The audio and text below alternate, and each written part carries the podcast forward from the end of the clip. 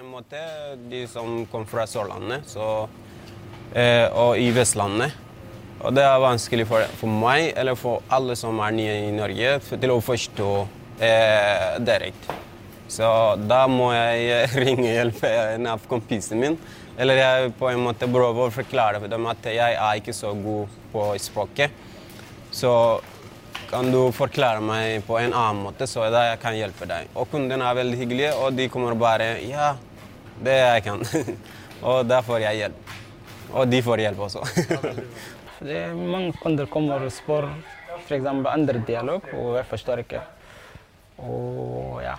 Men hvis du ser kunder og ikke sier noen, kunder allerede forstår du har ikke ja, forstår denne dialogen, så kan bytte og snakke litt tydelig eller litt enkel, og du forstår ja, spørsmålene.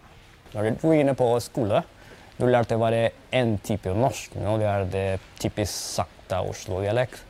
Så når det kommer f.eks. en kunde Nord-Norge eller no, du føler litt usikker. ok, Hva skal jeg gjøre?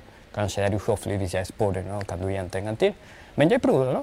Eh, unnskyld, kan du gjenta en gang til? Fordi for meg er det litt vanskelig å forstå. Så hun smiler og sier ja, det er ikke problem. Jeg skal repetere en gang til for deg. Så ja. Det var litt vanskelig først, fordi du føles litt flaut. Men ja, det var greit.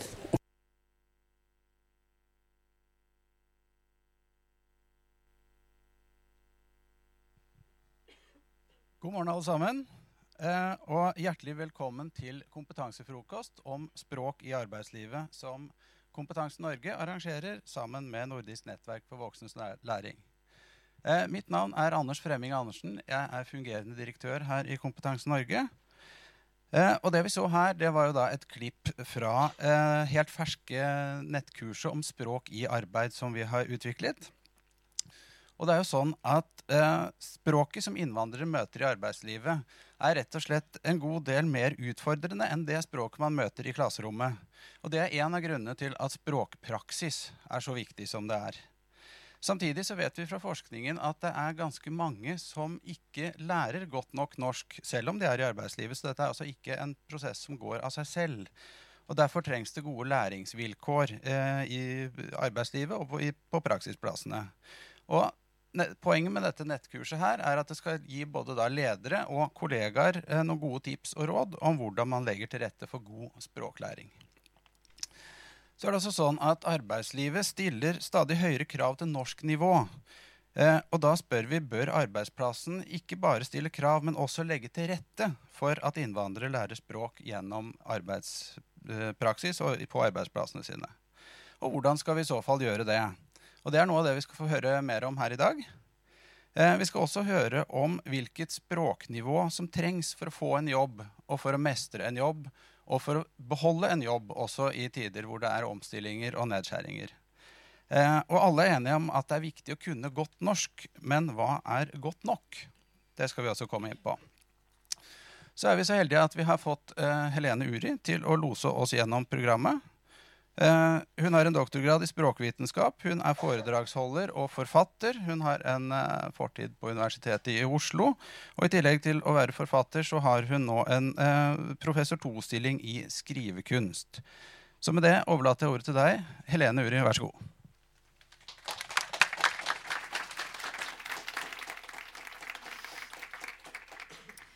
Tusen takk for det.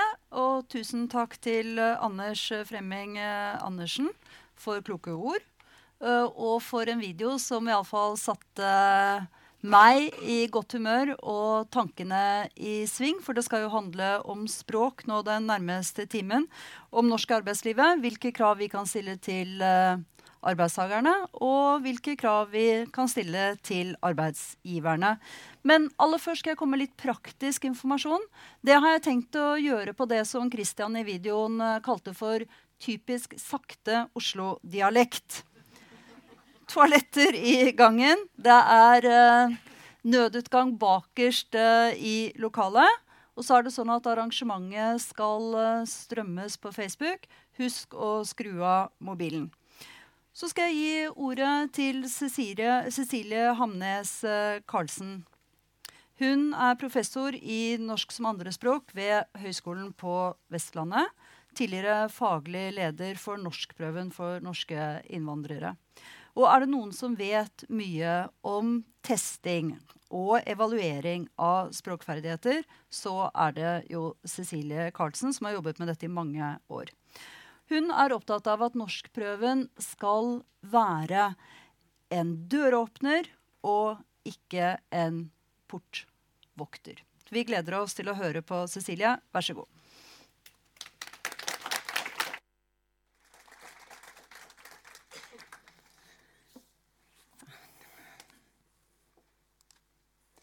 Tusen takk, Helene. Tusen takk for invitasjonen til å komme her og snakke til dere. Og tusen takk til alle dere som er her. Um, ja, jeg skal snakke, som Helene sier, om språkkrav i arbeidslivet. Og hvordan vi kan forhindre at språkprøver blir brukt på en måte som stenger døren til arbeidslivet.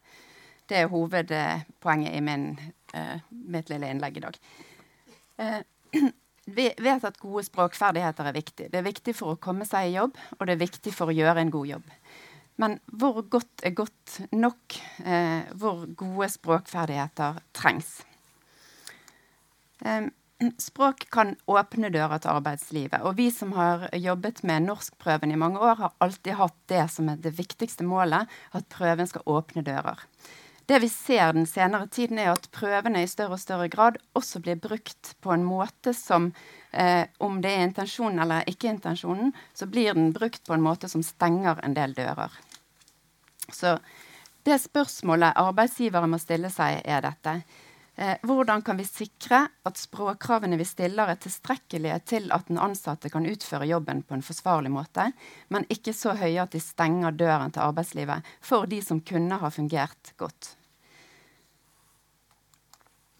Vi vet, mm, Det er mye forskning som viser det. Vi vet at innvandrere diskrimineres i arbeidslivet.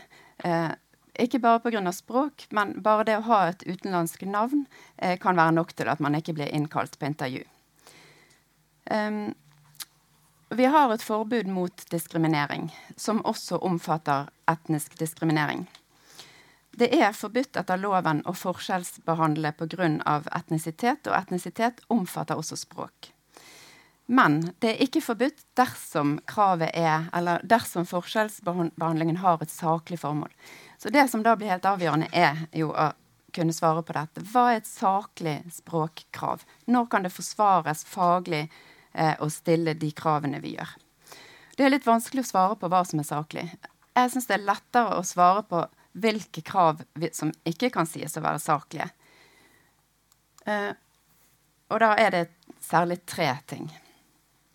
For det første Det er ikke saklig å kreve akademiske språkferdigheter i praktiske yrker. Eh, akademiske ferdigheter er ferdigheter på nivå B2 eller over i dette felles europeiske rammeverket, som jeg skal si litt om. Så det å stille B2-krav til assistenter i barnehage eller SFO, til helsefagarbeidere eller taxisjåfører, er ikke saklige krav. Vi stiller heller ikke tilsvarende krav om akademiske språkferdigheter til norske taxisjåfører eller barnehageassistenter. For det andre, det er ikke et saklig krav å stille et krav om dokumentasjon på skriftlig produksjon dersom man skal jobbe i et yrke hvor det å skrive er noe man nesten aldri gjør. Og det fins mange sånne jobber, kanskje de fleste, eh, hvor man skriver veldig lite, og det man skriver, gjerne er meldinger eller fylle ut skjema, rutinepregete oppgaver. Og for det tredje det å stille udifferensierte krav, altså det å stille like krav i de fire ferdighetene lytte, lese, snakke og skrive, uten å først analysere hvilke språklige oppgaver man skal utføre i jobben, og hva som faktisk trengs. Dette er de tre viktigste eh, kan vi si, måtene språk kan eller blir brukt på en måte som bryter med diskrimineringsloven. Mange arbeidsgivere stiller språkkrav knyttet til det felles europeiske rammeverket. Samtidig så viser undersøkelser utført av Kompetanse Norge at mange arbeidsgivere sier at de kjenner egentlig ikke så veldig godt til hva disse nivåene står for. Så derfor har jeg tenkt å gi dere et to minutters krasjkurs i rammeverksnivåene og i norskprøven for voksne innvandrere. Eh, det felles europeiske rammeverket for språk. Dette er et europarådsprosjekt, og det ble utviklet for å fremme mobilitet og kommunikasjon på tvers av språk og landegrenser. Eh, den blå boken som dere ser, kom i 2001 på engelsk, og den ble oversatt til norsk i 2011. Den ligger åpent tilgjengelig på UDIR sine hjemmesider. Eh, det rammeverket gjør, er å beskrive de fire språkferdighetene, altså lytte, lese, snakke, samtale og skrive, eh, på seks nivåer, fra A1 til C2. Og den beskriver hva du kan gjøre med språket. Altså hvor godt du kan lese ulike typer tekster, skrive, eh, hvor godt du kan delta i en uformell samtale eh, eller en formell samtale osv. Det fins 50 sånne skalaer. Eh, dette rammeverket er grunnlag for læreplanen i norsk for voksne innvandrere som alle flyktninger og familiegjenforente får opplæring etter. Og det er også grunnlag for norskprøven eh, for voksne innvandrere, som er utviklet av Kompetanse Norge. Eh, så hva betyr disse nivåene egentlig? Hva er A2 og B1 og B2? Eh, som sagt så er det seks nivå skala fra A1 til C2. For alle praktiske formål kan vi se bort fra C-nivået. Dette er et nivå som er så høyt at eh, det er ytterst få som er på det nivået. Når det gjelder arbeidsliv og krav til arbeidslivet, har jeg aldri sett noen som stiller A1-krav. Så for, eh, nå, for dette formålet i dag så står vi igjen med de tre nivåene. A, A2 Eh, er et nivå der eh, den som er på det nivået, kan eh, forstå setninger og vanlige uttrykk knyttet til de viktigste områdene av dagliglivet. Det som kjennetegner språk på dette nivået, det er forholdsvis enkeltspråk. Eh, rutinepregede situasjoner, altså forutsigbare situasjoner. Gjerne om konkrete forhold hvor du har støtte i den umiddelbare konteksten. Eh, og der emnene er kjente for deg og gjerne har personlig relevans.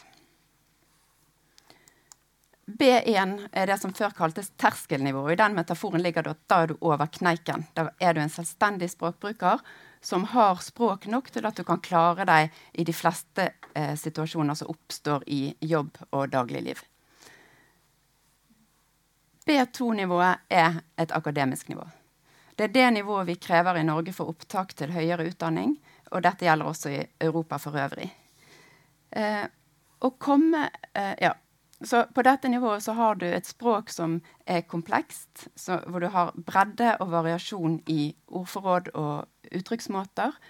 Og du kan lese, skrive om og snakke om abstrakte emner på en klar og, og detaljert måte. Og det er veldig viktig for meg å få frem i dag hvor høyt dette nivået er. Eh, det er mye forskning som viser det at det å komme på dette nivået eh, er ikke noe som er alle forunt. Heller ikke alle oss som har språk, så, språket som førstespråk. Eh, det er et nivå som ofte har sammenheng med en høyere utdanning og yrke og interesser. Så ikke alle nordmenn er på B2-nivå i norsk. Det er ikke alle nordmenn som, eh, selv om vi har vokst opp med norsk, kan skrive en tekst på B2-nivå. Kan skrive en klar argumentasjon. Eller holde et innlegg eh, som er klart og velstrukturert og tydelig. Dette er akademiske ferdigheter. Det som er den gode nyheten, er at dette er heller ikke et nivå som er nødvendig for de fleste yrker. Uh, og at dette er et høyt nivå, det så vi også på en undersøkelse som vi gjorde i forfjor sammen med Samfunnsøkonomisk analyse. Og bare for å ta, Dere kan se eh, eh, lenken til denne rapporten står på støttearket deres, så dere kan se mer. Men konklusjonen er at B2 på alle fire ferdigheter bør likestilles med karakteren 4 på den 1-6-skalaen som brukes i videregående. Uh, Så det betyr jo da at dersom vi stiller krav om B2 i alle fire ferdigheter til minoritetsspråklige eh, søkere, så bør vi egentlig stille Eller vi bør stille oss det spørsmålet. Ville vi her ha stilt kar karakterkrav fire i norsk til norske søkere? Og til sammenligning kan jo vi kan jo si at ved opptak til lærerutdanningen, altså de som skal bli norsklærer, stiller vi ikke et så høyt krav. Der er kravet bare tre. Dette er et høyt nivå. Og hva blir konsekvensene hvis vi ikke vet dette? Hvis, altså dere som arbeidsgivere, hvis ikke dere vet hvor høyt nivå dette er. Konsekvensene blir at vi stenger døren til arbeidslivet for 97% av de utenlandske søkerne. Og dette er utrolig viktig at dere vet. Eh, for jeg tror ikke at folk setter et B2-krav for det at eh, de vil stenge døren til arbeidslivet for alle eh, som ikke har norsk som morsmål. Men det blir konsekvensene. Det var i sommeren 2019 kun 2,7% som klarte å få B2 i alle fire ferdighetene. Og det var vestlige akademikere. Altså det, det er ikke alle forunt å klare dette innenfor de timene som de får i dag. Det som er viktig med rammeverket, det er at de understreker der at de fleste språkinnlærere er på litt forskjellig nivå i de forskjellige ferdighetene. Det er ikke så mange som har en sånn helt flat profil, at vi er på samme nivå i alle. Uh, og det som er dagens gladnyhet, hvis ikke dere visste det fra før, er at norskprøven som er utviklet av Kompetanse Norge, er egentlig ikke én prøve. Det er egentlig fire prøver. Det er én prøve som måler lytteferdigheter, én som måler snakke- og samtaleferdigheter, én prøve som måler leseferdigheter, og én som måler skriveferdigheter. Det betyr at eh, en kandidat som tar prøven, kan få en sånn ujevn profil. Eh, en som ikke kan lese og skrive så mye, kan score bra på de muntlige delprøvene likevel.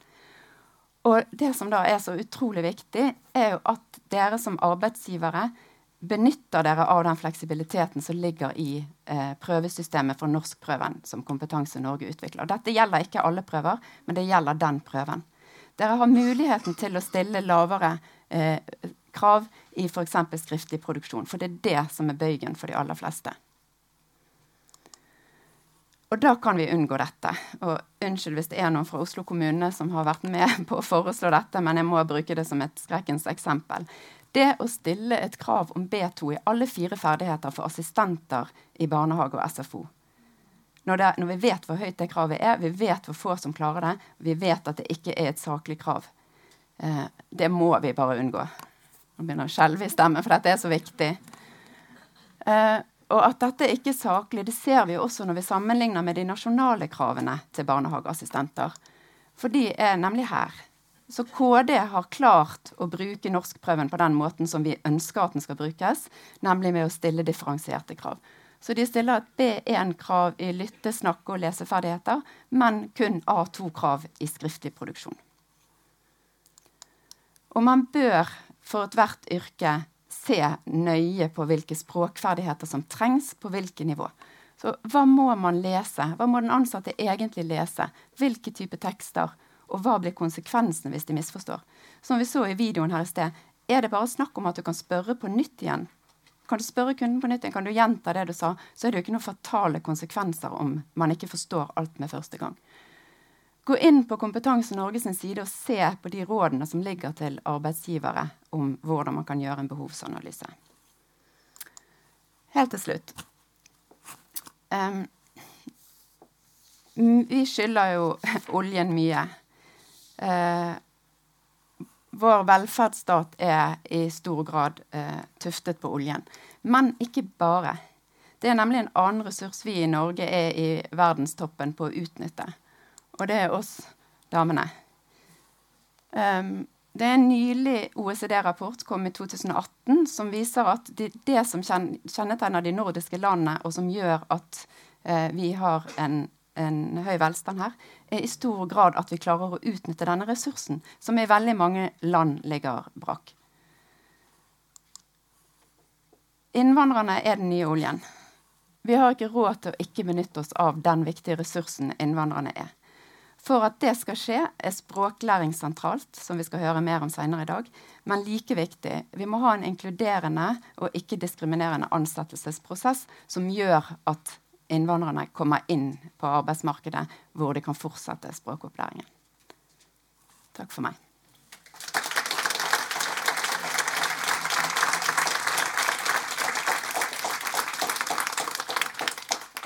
Tusen takk til Cecilie, som snakket både med hjerne og hjerte. Det var fint å høre på, og et fint grunnlag for det vi skal gjøre senere. Eh, det vil finne mm, powerpoint-presentasjonen til Cecilie på nettsidene til Kompetanse Norge etter dette arrangementet. Og hvis noen har lyst til å stille Cecilie spørsmål, så blir det mulighet eh, til det helt mot slutten. Eh, nå er det paneldebatt. Vi er jo superfornøyd med panelet vårt. Og jeg lurer på om jeg skal bedre gå opp i den rekkefølgen som jeg presenterer dere i nå. Er det OK? Da vil jeg ha opp Dan Sandmoen. Så Dan Sandmoen her. Og så vil jeg ha Olga Orrit her. Eh, Helge Sporsheim inn her, hvis vi får til det. Og Espen Brynsrud på flanken her. Så skal jeg si noen uh, ord om disse fire, sånn at vi alle er uh, klar over hvem som sitter her. Da er det altså Dan uh, Sandmoen på enden her. han er prosjektleder for Hurtigsporet på Ikea. Det skal vi høre mer om, men det er altså et opplegg som kombinerer da arbeidspraksis med språkopplæring. Og så har vi med, meg, eh, med oss eh, Olga Orrit, som er språkutvikler i Foreningen Vård og omsorgscollege i Sverige. Eh, fordi denne eh, frokosten her er jo et samarbeid mellom Kompetanse Norge og Nordisk nettverk for eh, voksnes læring. Og Olga hun har vært med på å utarbeide et konsept som handler om språkombud innenfor helse- og omsorgssektoren. Så er det Helge Sporsheim, som er leder i Fagforbundet i Oslo, helse- og sosialseksjonen. Og også medlem av det nasjonale styret og sitter i flere av Fagforbundets sentrale organer. Medlem av Faglig råd for helse- og eh, oppvekstfag og Yrkesopplæringsnemnda i Oslo. Utdannet hjelpepleier og har vært leder for hjelpepleierne i Norsk helse- og sosialforbund. Og så er det Espen Brynsrud, som er lokal på den måten at han eh, arbeider her i Kompetanse Norge. Eh, leder avdelingen for læreplan og prøver. Uh, og det er altså den avdelingen som har ansvar for læreplan i norsk, for, norsk og samfunnsfag for voksne innvandrere. Og også ansvaret da for utvikling og gjennomføring av norskprøven, som vi har hørt om. Mm. Så vi har med andre ord et uh, svært kompetent og bredt uh, sammensatt uh, panel. Og da skal jeg begynne med å stille panelet et spørsmål. Og det er jo i forlengelsen av Cecilie Karlsens innlegg. og det lyder kort og godt Hva er godt nok? Altså, det er viktig å kunne godt norsk for å få seg en jobb og beholde jobben. Men hva betyr det å kunne norsk godt? Hva skal til? Uh, jeg tenkte vi skulle begynne med Helge Sporsheim. Ja. Fagforbundet. Har, uh, har, du et svar på dette? Uh, hallo? Ja. ja. Et svar Hva som er godt nok, det er jo det, I praksis, når vi kommer i praksisfeltet, der som jeg kjenner best, så, så er det litt ymse hva som er godt nok. Ehm, det er forskjell på hvem som får tilbud om eh, kurs. Og det er om du er, om du er assistent eller om du har, er høyskoleutdanna, så, så, er det forskjell på å få tilbud på kurs om å lære eh, norsk. Eh, jeg tror det at vi er enige om at eh, at kompetansekrav kompetansekrav i arbeidslivet at det må vi ha. Men det er hvordan vi eh, møter kompetansekravet til språk. Eh, og det er forskjellig hvor du jobber, sånn som innlederen var inne på. At det er forskjell på Jeg kommer fra helsevesenet. Om du, og, om du jobber i, i, et, i et annet yrke. Ja, men Det er en uh, fin uh, åpning. det. Du skal få si mye mer senere. Skal vi høre på Dan? Hva er godt nok? Det er et komplisert eh, spørsmål. fordi da spør man jo også om Eller man må også tenke på for hva. Godt nok for hva. Vi snakker jo om et næringsliv eller ja, som er veldig variert. eh, hvor også oppgavene er varierte. Uh, og hvis jeg snakker for Ikea, så uh, vet vi jo det, og det skjer jo også i resten av næringslivet, at ansatte får mer og mer ansvar. Mer og mer oppgaver. stilles mer og mer krav til, til den ansatte. Og det vil jo også gjøre at kravet til språk også blir høyere. så jeg tenker at det er en naturlig eh, ut, utvikling. Eh, så kan man jo diskutere om det er en bra utvikling, men, men det er en naturlig utvikling som, som skjer over tid. Um, um, og så kan man jo si da at mange av de deltakerne som vi tar inn i vårt prosjekt, som er på A2 uh, Det er veldig vanskelig å se når de når B1 i en praksissituasjon. Uh, og det gjør at hvis man sier at kravet er B1, så kan det jo være at det, det skulle vært A2, eller det kunne vært B1. Det er vanskelig å, å sette fingeren akkurat på når det skjer. Uh, så jeg tror det som, som, ble sagt før vi kom opp, er viktig. Uh, og det er noe jeg også skal dukke ned i for å få mer forståelse for hvordan man skal bruke begrepene med, med, med, språknivå. Så jeg syns det, det, er et enkelt, men også et vanskelig spørsmål. Eh, som jeg tror um, Og jeg tror det som også er viktig, det er at vi i de sammenhengene som nå snakker om det. For jeg tror, jeg tror, det er mangel på forståelse i, i, mange bedrifter om akkurat det. Så jo mer man snakker om det, jo mer forståelse og, og, og kunnskap kan man faktisk nå ut med, og det er jo bra. Uh, Olga Orit, hvordan er det i Sverige? Er det sånn at det er et spesielt krav til et nivå i forskjellige yrker eller forskjellige arbeid? Ikke på samme sett som her i Norge. Eh, det som jeg vet, det er om vi prater om yrke som lærere, f.eks., der er jo krav C1. Eh, derimot om vi prater om eh, undersköterskor eh, eh, så finns ingen sådana formella krav. Vi jobbar inte i Sverige med A1 och AB och A2 och B1 och B2 på samma sätt som det finns här i Norge.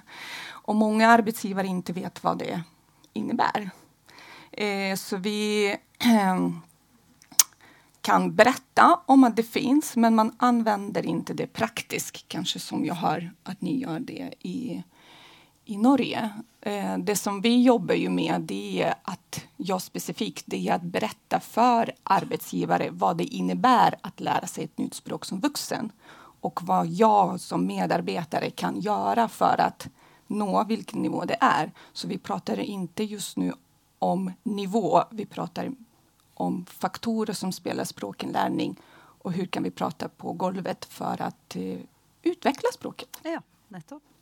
Uh, Espen Brynsrud, hva, hva, er godt nok for deg? Godt nok for meg, ja, si det. Eh, jeg tror det kommer uh, veldig an på hvilken bransje og hvilken stilling man skal inn i. Mm. Det må, um, som, som, Cecilie snakka en del om, uh, at uh, godt nok for én gruppe er ikke godt nok for, for, på et annet sted. det handler både om effektivt språk, Altså hva, som er kanskje litt mer enn hva norskprøven måler i dag også. Det handler om uh, alt fra kroppsspråk til andre uh, sosiale ferdigheter rundt. Hvordan, hvordan man gjør, gjør, seg forstått. Så er det selvfølgelig noen yrker, altså lege, noen i, i helsevesenet, som bør kunne mer presist. Men for veldig mange andre av oss så er det veldig eh, lite problematisk å være litt ujevn i ferdighetene. Eh, og så eh, handler det ikke minst med om hva slags møte den nyansatte har med arbeidslivet å gjøre. Eh, hva slags opplæring det er mulig å få på jobben. Hva er godt nok til å starte, og hva er godt nok til å, til å fungere i jobben over litt tid. Så det er ganske komplekst. Det er ganske komplekst. Og da syns jeg det passer godt å gi ordet tilbake til deg, Dan Sandmoen og Ikea. Eh, for du mener jo at det er ikke bare slik at arbeidsgiver skal stille krav til arbeidstaker, men det er også sånn at eh, arbeidsgiver kan, bør legge til rette. Kan ikke du fortelle mer om det prosjektet som du leder på Ikea Furuset? Jo, eh, det er jo da et prosjekt hvor, hvor, vi har et visst antall deltakere som er rekruttert fra VO, Helsfyr.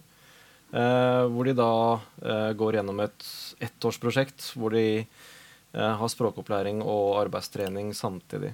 Og så kommer det mange forskjellige aktiviteter i tillegg. Men det som er spennende med den modellen, er jo samarbeidet Nav, Ikea og voksenopplæringen.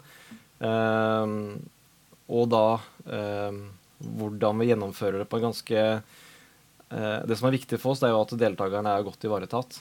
Uh, og de får jo oppfølging fra, fra tre parter.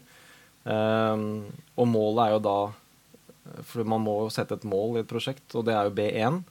Eh, på et år. Eh, noe som veldig mange klarer. Um, ja, så, så, man har et inntaksmål, og så er målet ja. å nå B1? Ja, og, og inntaksmålet er, eller kravet er A2. Ja. Uh, og det er for at det går på sikkerhet uh, og uh, forskjellig. Um, og så er målet B1, og det skal nås da i løpet av det året, eller på slutten av det året. Mm. men jeg vil også snakke om at det er jo en Eh, samtidig som man snakker om, om en språkopplæring eh, og bli god nok i språket eh, til hva det nå skulle bli, være, eh, så er det også viktig at man snakker om kvalifisering til arbeidslivet. Fordi én eh, ting er språket, som helt klart er en nøkkel eh, for integrering og å komme seg inn på arbeidsmarkedet. Men også det, for veldig mange kommer jo hit uten en arbeidserfaring, og i hvert fall ikke en arbeidserfaring som kan sammenlignes med Norge. Så det vi også fokuserer på, det er å kvalifisere de til arbeidslivet. Med alt det eh, som hører til, og det, om det er intervjutrening eller CV-søknadsverksteder, eh, så fyller vi på for å gjøre de mest mulig rusta. Eh, et uh, ledende spørsmål til uh, Ikea her. Da. Er det sånn at du mener at dette er en del av arbeidsgiverens samfunnsansvar? Det er et ja-nei-spørsmål, veldig ledende. Eh, det er det helt klart. Absolutt. Mm. Ja. Eh, jeg har lyst til å snakke mer om hva arbeidsplassen kan gjøre. Olga, du var jo inne på det, du også. Kan du eh, Dette med språkombud. Det høres jo litt eksotisk ut for, for oss. Hva, hva, hva, innebærer det? Eh, språkombud eh, det, er en, det, er et konsept, og det handler om at medarbeidere, i vårt fall er jo f.eks. undersköterskor, men det kan være andre, få utbildning kring hva det innebærer å lære seg et språk, ett nytt språk som vuxen, vilken, vilka faktorer som spelar roll, utbildning, om språket ligger nära varandra eller inte. Eh, man får verktyg kring hur man kan stötta på golvet utan att man tar över. Och det handlar inte om att medarbetare blir lärare i svenska språket utan det handlar om att till exempel veta att om jag frågar dig, förstår du? Och om jag säger ja, det betyder at jeg ikke kanskje vil tappe ansiktet. Og, så hvordan skulle man kunne stille spørsmål på et annet sett for å sikre at forståelse eh, At personen har forstått. Eh, så det, um, mycket handlar just om det. Man pratar om skriftligt språk. I Sverige skriver man väldigt mycket. Eh, och krav på dokumentation är väldigt hög och även svensktalande tycker att det är väldigt jobbigt. Så lite olika verktyg hur man kan stötta kring skriftspråk. Eh, med väldigt mycket och handlar också om den här kursen till språkombud handlar också om... Ja, för det är alltså ett kurs där det tillbyr ett kurs till språkombud. Ja, om jag jobbar som undersköterska så kan jag gå den här kursen. Eh, så blir jag språkombud på golvet. Vilket innebär att jag vet vad det innebär att lära sig ett språk som nytt. Så om det är någon som kommer till min arbetsplats så vet jag, okej, okay, men jag kanske kan säga allt jag pekar på och inte bara förvänta mig att personen förstår. Jag kan ställa frågor på ett annat sätt. Jag kan framförallt avdramatisera det här för att den som kommer in känner sig trygg. För att oftast gör man som jag nu, som inte har norska som modersmål, sitter här lite... Uh. Bare tenk på meg som ditt språkombud. Så. Ja, men lite så. Eh, så det handlar ju om att skapa trygghet och också att involvera i de arbetsmomenten som man har aktivt. För att oftast kan vara en situation där man väntar tills en annan person blir bättre utan att man själv agerar för att involvera. Och då får man ju också strategi och verktyg hur man skulle kunna göra det och involvera hela arbetsplatsen, inte bara en person som hjälper till. Ja. Mm. Eh, Helge Sporsheim, hva, hva sier Fagforbundet til dette? Har vi noen lignende ordninger i, i Norge på Norge, norske arbeidsplasser innenfor helse og omsorg? Ja, det her er virkelig musikk. Ja. Eh, ja, jeg kjenner ikke til noe sånn, men, men, men å inkludere alle sånn Ta f.eks. En, en sykehjemsavdeling. Å inkludere alle som jobber der, til at den som skal bli bedre i, i norsk Det med å ufarliggjøre det, eh, få støtte at du må ikke være redd for å spørre opp igjen, f.eks. Og det er, eh, det er megabra. Megabra. Så det, det skal jeg løpe tilbake og foreslå at det må vi ta tiltak på med en gang. Men så er det altså at en arbeidstagerorganisasjon, så vi, vi hører Vi er jo med på prosjekt som er positive eh, på, på språk og språkopplæring. Men eh, som arbeidstakerorganisasjon så, så Når det smeller, så smeller det. Og da er det medlemmen som ringer, og som har problem. Og det er hvordan, hvordan eh, de eh, blir stilt krav til, og hvordan det formidles. Det går ned jeg skal si dere, det går ned altså flere rullegardiner, for de tror de mister jobben sin. Og da må vi ut og slukke, slukke branner. For det er ikke det det handler om. At de skal miste noe jobb. Og det er forskjellig både i barnehage i, i, og i helseinstitusjoner. Så tror de det fordi at de, vet, de blir ikke forklart hva det er de skal gjennom. Men du skal, du skal gå på Du skal nå på B, B, B1. Og så vet ikke arbeidsgiveren hva det er, eller, fordi det er et overordna vedtak lenger bak. Nettopp. Så vi er, altså, vi er enige om at det er viktig med viktige kunnskaper i det eh, I norsk, det er vårt tilfelle, svensk i ditt tilfelle. Men vi må altså legge til rette for at arbeidsplassen kan være en språklæringsarena. Eh, hva sier eh, Kompetanse Norge-herren til eh, dette? Har du noen eh, Hvordan skal vi få til det best mulig? Jo, jeg sier at Når du springer tilbake til eh, arbeidsplassen din eller medlemmene dine med musikk i ørene, så ville jeg tatt med meg Språk i arbeid-kurset som vi akkurat har uh, utvikla. For det er en, et, et, et godt skritt på veien til det også som Olga snakker om.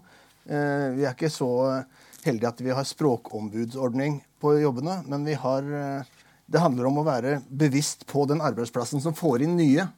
Eh, eh, lage miljø for at det går an å spørre to ganger. Eh, eh, skjønne at det er noen som, som hvis de blir litt stående litt aleine, at de må ta vare på folk.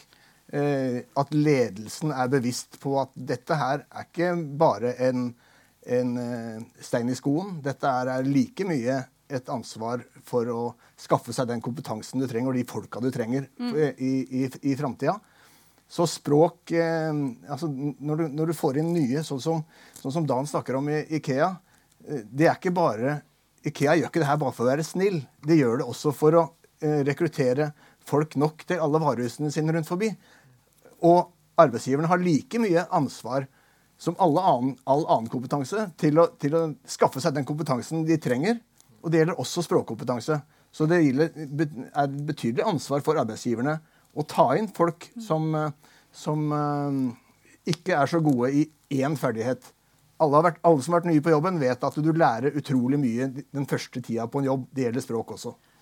Ja, og, og så er det jo også sånn at uh, Ikea ikke gjør det bare for å skaffe nok, nok, folk, men også for å skaffe seg et godt rykte. Ikke sant? Dette, her, du tar det uh, samfunnsansvaret. Hvis du hadde en kommentar? Ja, jeg, jeg, jeg, tenker på det du sier, men um, åpenhet At alle har en lik forståelse, men åpenhet om at hva som skjer. sånn eh, vi snakker mer om eh, Twitter-meldinger og Facebook, eh, hva som skjer på. Men åpenhet og snakke om språk, snakke om uh, hva betyr det, få det, det inn i, i, um, i, det daglige arbeidet på en naturlig måte, det er um, kjempeviktig. Ja, Dette handler jo om at kolleger også kan føle seg nyttige eh, og hjelpe andre kollegaer. Og det er jo alltid en god ting. Og mer eh, prat om språk, det er jeg veldig for, altså. Eh, men eh, Olga Orrit, er det slik at dette eh, opplegget med språkombud også gjelder for andre bransjer i Sverige, eller er det foreløpig bare eh, Det har språkombud utviklet innom eldreomsorgen, ja. men den absolutt gångbar i andre branscher. Og vi får frågor fra andre branscher. For basen i språkombudsutbildning er språket på arbeidsplass. Egentlig hvilken arbeidsplass som helst. Mm. Eh, så man kan anpassa seg. Og i eh, konceptet språkombud så utbilder vi språkombudsutbildere. Nettopp. Ja. Eh, så det vil si andre branschen skulle utbilda sine utbildere, og sen eh, börja implementera det i sina egna branscher. Och det hjälper ju oss genom utbilda att sprida konceptet runt om i Sverige. Igår var jag i Skellefteå och träffade 66 språkombud som jobbar där.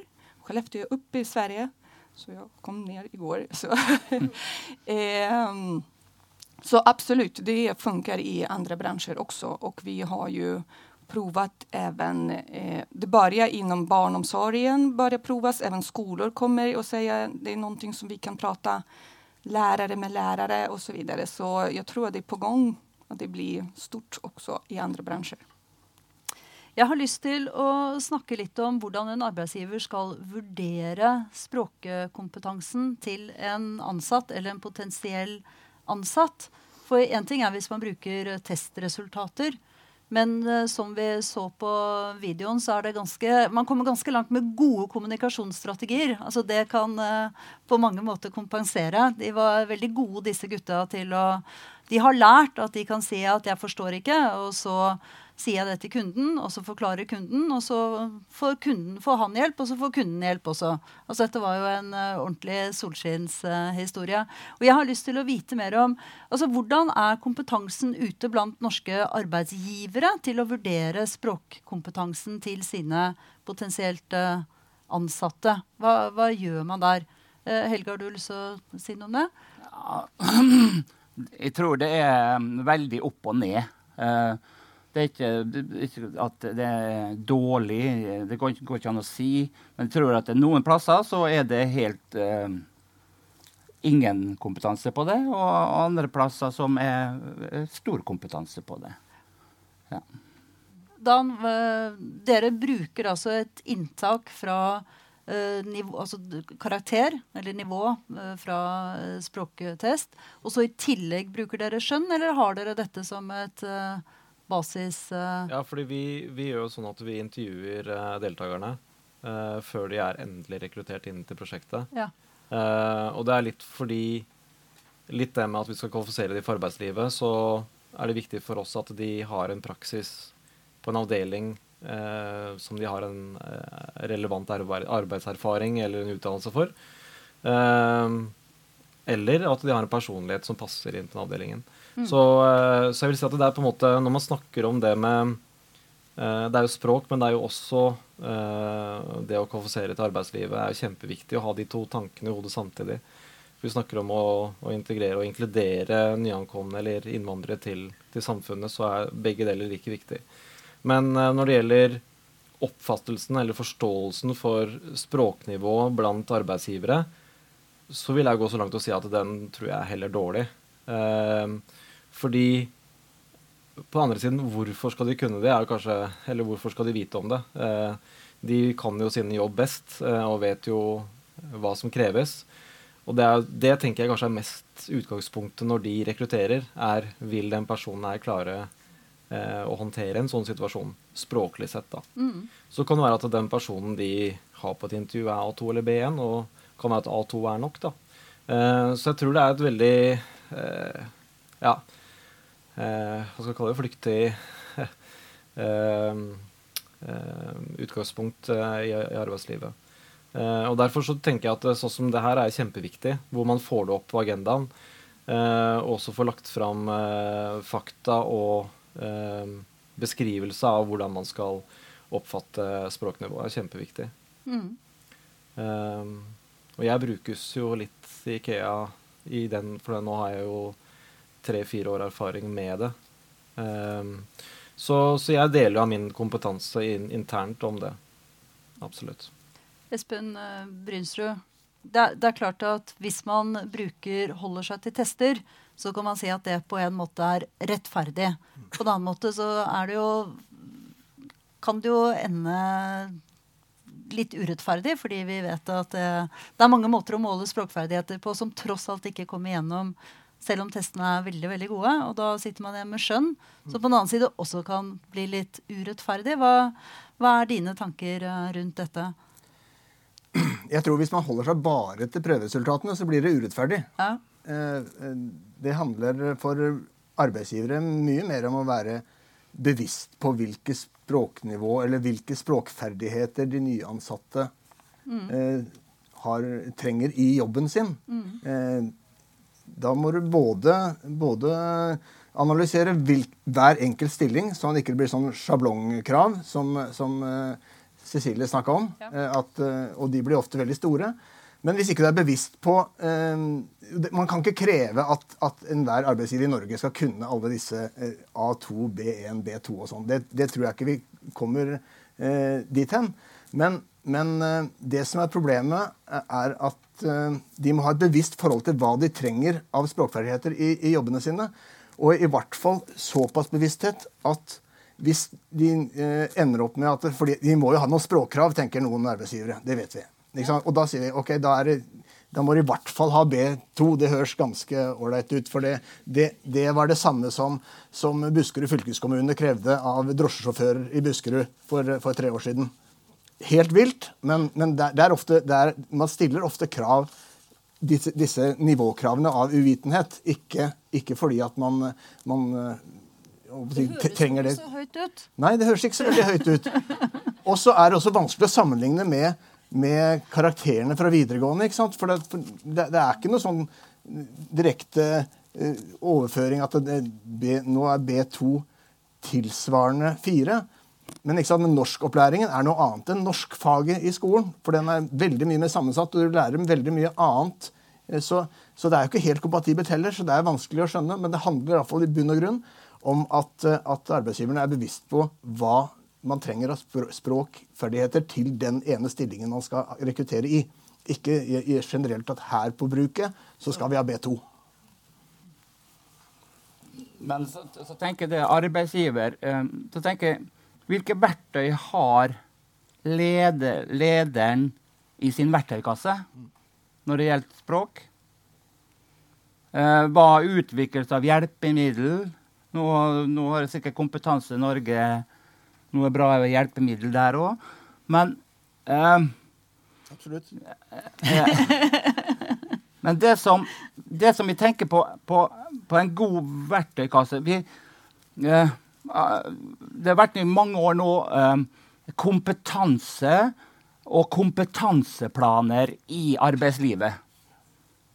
Det er viktig for å synliggjøre, og da er den strategiske kompetanseplanen hvilke, hvilke eh, Hva har vi, og hva trenger vi? Men så tar vi ned til, til hvert enkelt kompetanse um, individuelt. Og da da er det at de får synliggjøre hva kurs de har, hva, hva utdanning de har. Men hvorfor ikke legge inn språk der? At det brukes i en samtale mellom lederen og, og, og, og utvikling i arbeidet, men utvikling i språk.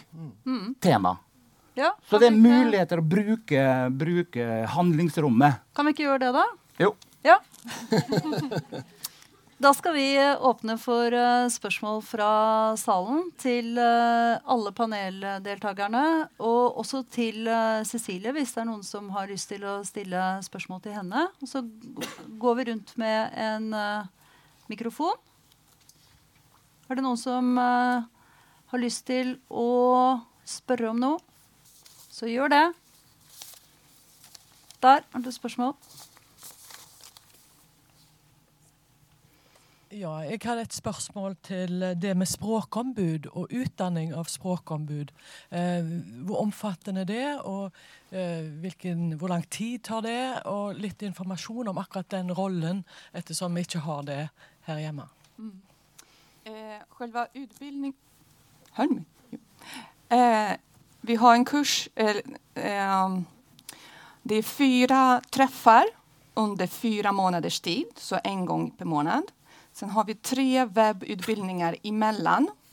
Så när jag går hem till jobbet så ska jag göra en webbutbildning. Men det som är viktigt är att vi har arbetsuppgifter som är kopplat till språk som man behöver göra under den här månaden för att observera hur vi pratar, vem pratar, om vad man pratar.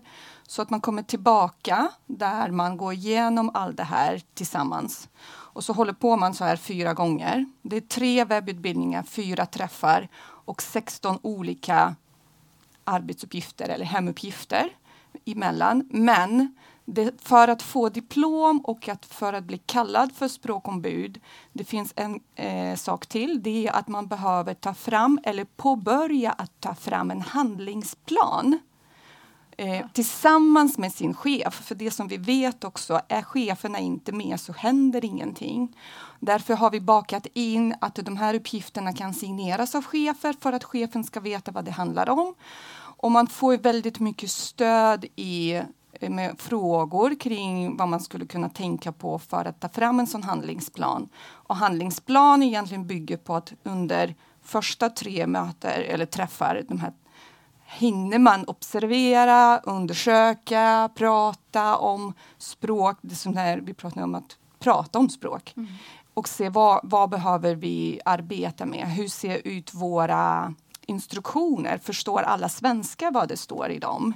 Måste vi bli tydeligere, for vi har også språklag i Sverige der alt skal være begriplig og tydelig.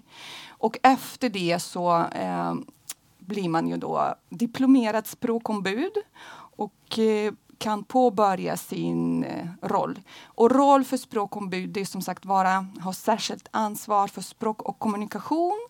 Men det, men det som vi også ser og vi har gjort en oppfølging av det, det er ikke at jeg og Dan bare går sammen, utan min roll som språkombud också att avdramatisera och se att alla på arbetsplats kan prata om språk och lära sig att vara språkmedvetna om det här. Um, ja, och chefer, återigen, vi informerar chefer. De behöver stöd. De kan inte det här, så de behöver lika mycket stöd de också. Da fikk du svar på det. Andre spørsmål?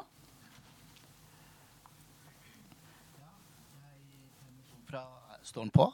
Ja, i, fra voksenopplæringa. Men jeg har et spørsmål i hvert fall til Kompetanse Norge om uh, i hvilken grad eller hvordan dere ser for dere framtidig kommunikasjon også med politikere som styrer i Oslo nå. Som har jo holdt på å si også gått til dels til valg på å ha en inkluderingspolitikk, og, eller inkludere også nye oljen, som det blir kalt her.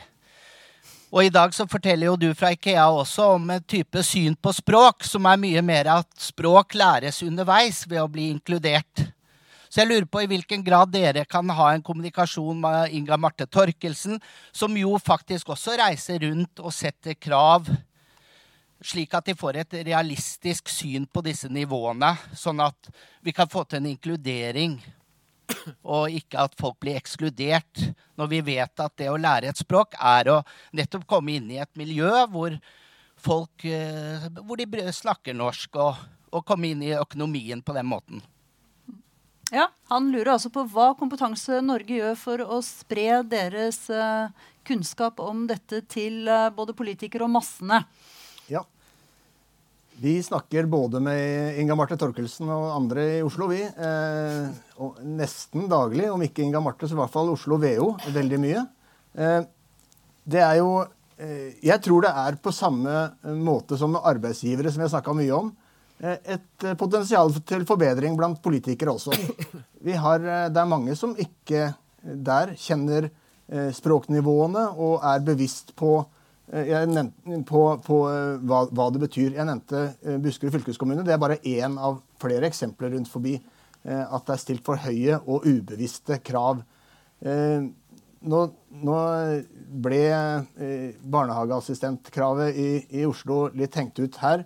Men, eh, men det er også den samme Oslo kommune som jobber tett gjennom, gjennom eh, VO-ene med Ikea. Så, så det, er ikke, det, er ikke, sånn at kommunene er bare uvitende elefanter i glasshus her.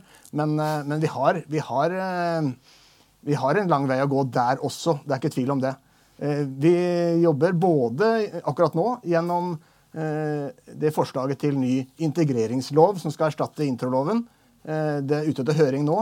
Der ligger det ganske mange forslag som, som vi har kommentarer på. Og det er, jeg anbefaler alle å bruke det vinduet vi har nå, alle sammen, til å, til å bruke den høringsrunden til å eh, påvirke. For det er, det er, nå er det et vindu før den loven settes i kraft. Mm -hmm. Vi rekker et spørsmål til, her er det en ivrig arm. Hei. Jeg heter Sigurd Lydersen. Jeg har jobba med norskopplæring i flere år. og så er det veldig interessant å høre om dette med språkombud fra Sverige. Eh, det er nok flere her som eh, gjør. Og det er veldig interessant å se ut fra det som blir sagt, at uh, det er veldig forskjell på Norge og Sverige. At vi er så veldig opphengt i disse, det europeiske rammeverket. Mens man i Sverige av en eller annen grunn har klart å liksom styre unna det. Og, uh, og, og, før du på en måte springer tilbake til Fagforbundet og sier at det må vi ha, så tror jeg nok at representanter fra Sverige godt kan fortelle litt om hvordan det har kommet til med språkombud. Hvor lenge har det vart? Hvilke, hvilke krefter er det som har presset det fram? Det er jeg veldig nysgjerrig på å få vite. Sånn at vi kan gjøre det samme her. Mm. Jeg kan bare si at vi har gjort oppfølginger av språkombudskonseptet, og den har utvecklats under ti års tid, så det er ingenting som kom förra året. Och det var Nationellt centrum för svenska som andraspråk, det var forskere fra Södertörns högskola som var med i olika projekt. Och utgångspunkt var arbetsplatsen. När man började se att det fanns personal som har jobbat i många år inom äldreomsorgen framför allt och vissa sig hittade sina strategier för att utföra arbete men till exempel inte kunde ta del av kompetensutveckling på arbetsplatser på grund av språkförbistring. Och då började man tänka, men okej, okay, lärare är ju bra, men lärare är inte hela tiden på arbetsplatsen. Hur gör vi att det här ska att det som man lär sig får fäste på arbetsplats. Och då började man fundera utifrån vad man vet om språkinlärning och utveckling hos vuxna eh, och kom det här eh, språkombudet och bara utvecklades. Så nu ägs ju av föreningen Vård och omsorgscollege. Men det finns uppföljning. Det som man väldigt kort kan jag säga. Det finns både ekonomisk uppföljning, är det ekonomiskt försvarbart? För alla chefer vill veta om det. Men det finns också Nationellt centrum för svenska som andra språk som gjorde uppföljning i fyra kommuner och kom fram till att det blev mer öppen. Man spar tid eftersom personene börjar uh, utvecklas och börjar kunna hjälpa andra. Man blir väldigt uh, arbetsmiljö blir mycket, mycket bättre. Det blir inte det här du måste kunna och jag väntar. Det avdramatiseras. Det är till och med, man såg ju att äldre personer har fått eh, ska jag säga, som sitt uppdrag ibland. När man avdramatiserade frågor då kunde de också hjälpa till med språket och då såg ju de om en person började bli må bättre och så vidare. Men vad jag vill också säga om ni går på Youtube och skriver språkombud. Det finns en lista med 20 korta filmer där bland annat de som följde upp det här eh, finns på film. Så det är svenska, det funkar ju bra för er. Så det eh, Men da, tusen takk. Da har vi blitt uh, inspirert av både Hurtigsporet og språkombud. Og det Vi vet at språk uh, koster penger, men vi vet også, akkurat som Olga vet, og som uh, Dan vet, og som Fagforbundet vet, og som Kompetanse Norge vet også, at det sparer jommen ganske mye i den andre enden. Så eh, jeg sier tusen takk til eh, panelet så langt. Dere kan bare bli sittende. Og så skal Anders Fremming Andersen da si noen eh, Du skal vel si noen forløsende ord som løser alt, skal du ikke det? Jo, jeg tenkte at det var, det var på tide nå. Ja. Eh, Nei, jeg tenker at Her er det sagt såpass mye klokt fra før. sånn at, eh, eh, Og jeg tenker i hvert fall, jeg vet ikke hvordan det er med resten av eh, publikum, men jeg tenker i hvert fall at dette her var en eh, nyttig og inspirerende måte å tilbringe en torsdagstime på. Eh, og det tenkte jeg å takke de som har bidratt eh, for. Um, Cecilie først, for at du har eh, gitt oss eh, et faglig påfyll når det gjelder eh, språknivåene. Så får du en liten duppeditt her som kan gi litt påfyll av elektrisk art til telefonen din eller lignende. Takk skal du ha.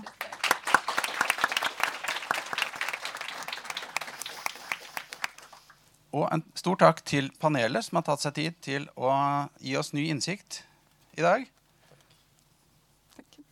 Espen får jo ingenting, for han, da han får lønn. Eh, Sist, men ikke minst, tusen takk til Helene Uri, som har uh, tråklet oss uh, godt og ryddig gjennom denne seansen. Takk skal du ha også.